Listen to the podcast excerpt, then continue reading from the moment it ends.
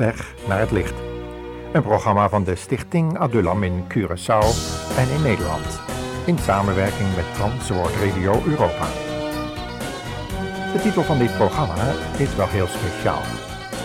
Het handelt over een gedeelte uit de Bijbel wat niet zo erg bekend is. Namelijk de profetie van Ezekiel, hoofdstuk 8 en 23.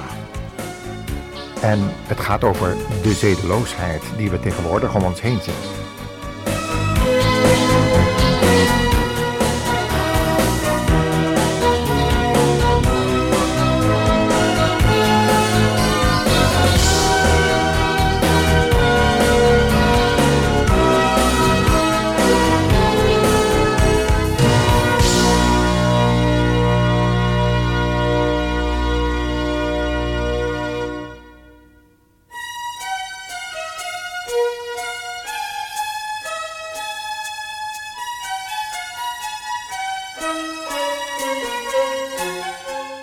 Niet zo lang geleden kocht ik iets in een kiosk op een vliegveld ergens in de Caribië. Ik keek eens om me heen en zag een paar jonge mensen geïnteresseerd voor een paar boeken en tijdschriftenplanken staan. Ik was nieuwsgierig waar hun interesse naar uitging en volgde hun blikken. En zag al spoedig wat hun aandacht zo bezig hield. Tijdschriften met pakkende afbeeldingen van naakte en halfnaakte vrouwen in allerlei houdingen. En dat waren houdingen die de zintuigen nou bepaald op scherp zetten. Ik dacht na over deze openlijk getoonde belangstelling voor het naakt.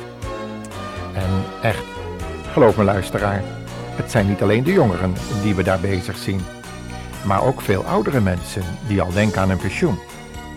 Is het dan verwonderlijk als we zoveel seksueel geweld om ons heen zien, aan zoveel lustes, prikkelende voorstellingen? En was het nu alleen maar nog maar die fotobladen, maar het aanbod is veel groter. Video, tv, computer. Overal komen de voorstellingen de luisterhuiskamers binnen.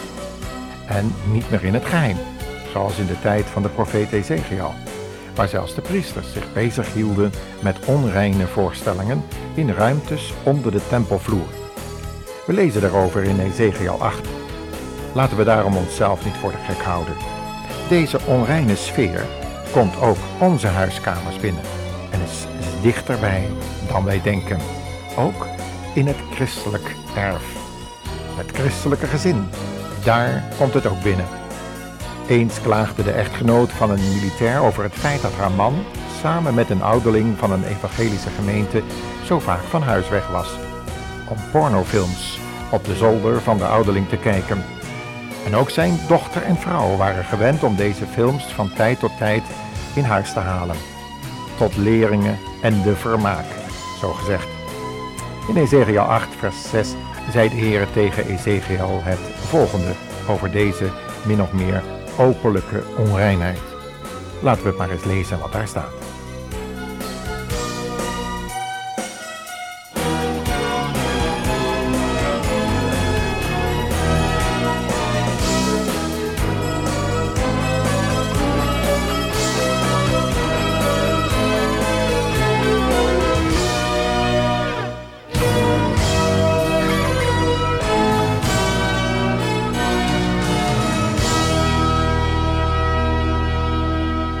We hebben dus inmiddels Ezekiel 8, vers 6 voor ons.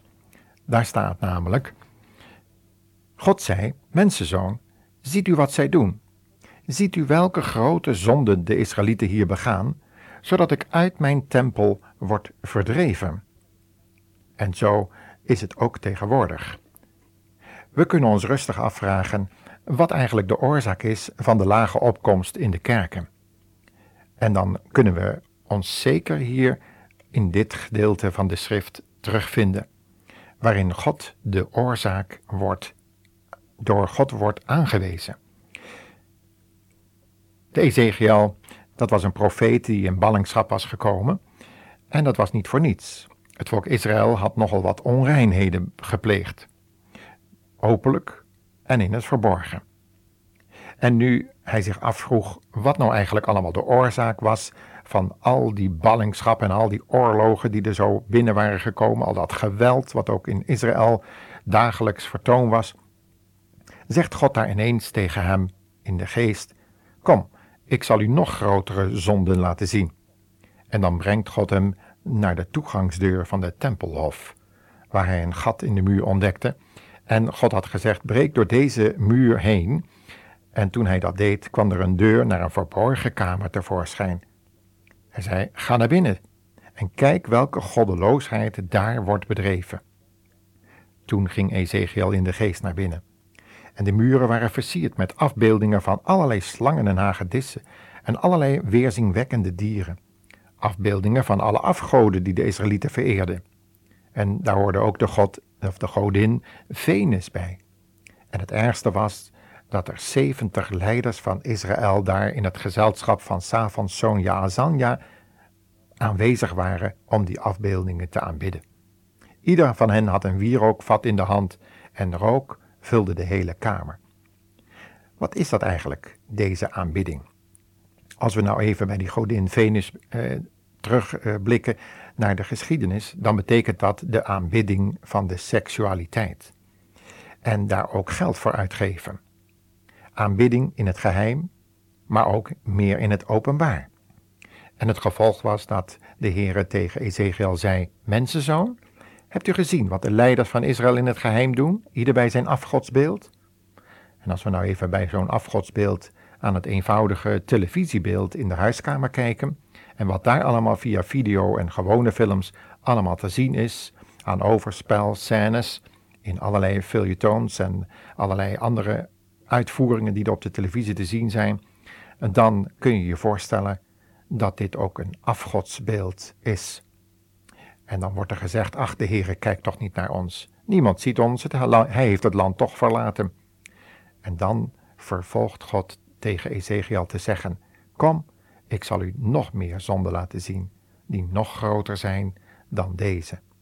En dan zien we daar de vrouwen allemaal in het verborgen, in de noordelijke tempelpoort, de god Tammuz bewenen. Deze Tammuz stelde de god van de vruchtbaarheid voor, die volgens de Mesopotamische legende was vermoord, waardoor de vruchtbaarheid was verdwenen. En als we tegenwoordig kijken hoe het komt dat er uh, soms maar twee of drie kinderen in de gezinnen worden geboren, en dan komen we al gauw bij die God van de vruchtbaarheid.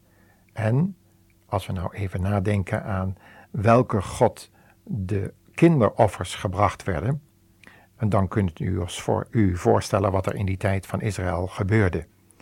Wat de vruchtbaarheid betreft, tegenwoordig denk je, de vrouwen zijn niet meer zo vruchtbaar als vroeger. Maar het komt er in principe op neer dat wanneer er abortus gepleegd wordt, dat te vergelijken is met dat bewenen van de god Tammuz en uh, offers brengen aan de Baal, oftewel eh, de, de god Moloch. Dat is nog erger, daar worden de kinderoffers gebracht en in de armen van een gruwelijke afgod, een groot koperen uh, afgodsbeeld waar een vuur in brandde en er werden die kindertjes zo ingelegd. Dat is wat we tegenwoordig zien en wat toen door de profeet Ezekiel ook gezien werd. Nog meer zag hij 25 mannen met hun rug naar de tempel en met hun gezicht naar het oosten gekeerd om de zon te aanbidden. Hebt u dat gezien? vroeg hij.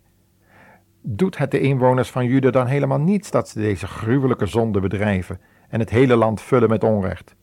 Ze steken hun tong tegen mij uit en wakkeren zo mijn felle toorn aan. Daarom zal ik hun in mijn toorn meedogenloos straffen, zonder iemand te sparen. En ook al schreeuwen zij om genade, ik zal niet luisteren.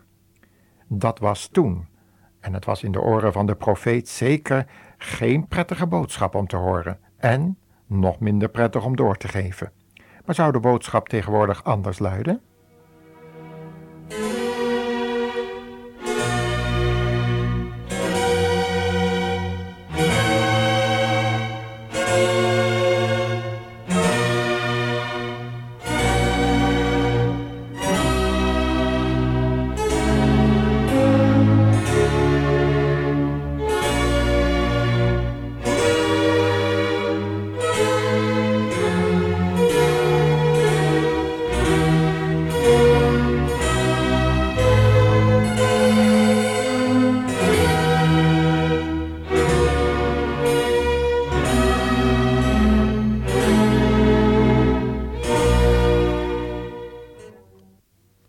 Zullen er misschien luisteraars zijn die zich beginnen af te vragen waarom we deze gruwelijke dingen zo benadrukken in een uitzending voor de radio en zomaar in het licht brengen. Maar de Bijbel doet dat ook. En we lezen het antwoord dan ook waarom we dat doen in Efeze 5, vers 10 tot 20. Maar misschien dat we een paar versen eerder al lezen. Efeze 5. Laten we kijken vanaf vers 6. Hebzucht is het dienen van een valse God. Laat u niets wijsmaken door hen die proberen zulke zonden goed te praten. Want God zal mensen die dat soort dingen doen vreselijk straffen. Ga zelfs niet met zulke mensen om. Want uw hart, dat eens vol duisternis was, is nu vol van het licht van de Heere. Laat dat dan ook blijken uit uw doen en laten. Het gevolg van het licht in u is dat u alleen maar doet wat goed, juist en waar is. Probeer steeds weer te ontdekken wat het hart van de Heere tot vreugde is. Doe niet mee aan zinloze praktijken die in de duisternis plaatsvinden, maar stel ze aan de kaak. De dingen die de goddelozen stiekem doen zijn zo schandelijk dat wij daaraan zelfs geen woorden vuil moeten maken. Maar als het licht op hen valt, wordt duidelijk hoe slecht ze eigenlijk zijn. Sommige van hen kunnen dan zelfs kinderen van het licht worden. Zo staat het in de boeken. Slaper, word wakker. Sta op uit de dood. Christus zal u licht geven. Kijk daarom goed uit hoe u leeft. Wees niet onnozel, maar verstandig. Grijp elke gelegenheid aan om goed te doen, want we leven in een slechte tijd. Denk goed na en probeer te ontdekken wat de Heere van u verlangt. Drink niet te veel wijn, want daardoor verliest u de controle over uzelf. Wees daarentegen vol van de Heilige Geest. Spreek veel met elkaar over de Heere en zing psalmen, lofliederen en geestelijke liederen. Zing met uw hele hart voor de Heere. Dank God onze Vader altijd voor alles in de naam van onze Heer Jezus Christus. En onderwerpt u aan elkaar uit ontzag voor Christus. Vrouwen, voeg u dus naar uw man, net zoals u zich voegt naar de Heere. De man leidt zijn vrouw zoals Christus zijn gemeente leidt. Hij gaf zijn leven om haar te redden. Tot zover de schriftlezing. Wat is er toch allemaal anders dan we zo om ons heen kijken? Maar de schrift geeft antwoord dat al wat in het openbaar brengt, is licht. En dat is belangrijk om het licht van de Heer Jezus in ons leven werkelijk gestalte te zien krijgen, zodat de mensen niet ons, maar de Heer Jezus zien en zich afkeren van de zonde. And all the people that walked in darkness have seen a great light. And they that dwell in the land of the shadow of death, upon them has that light shined.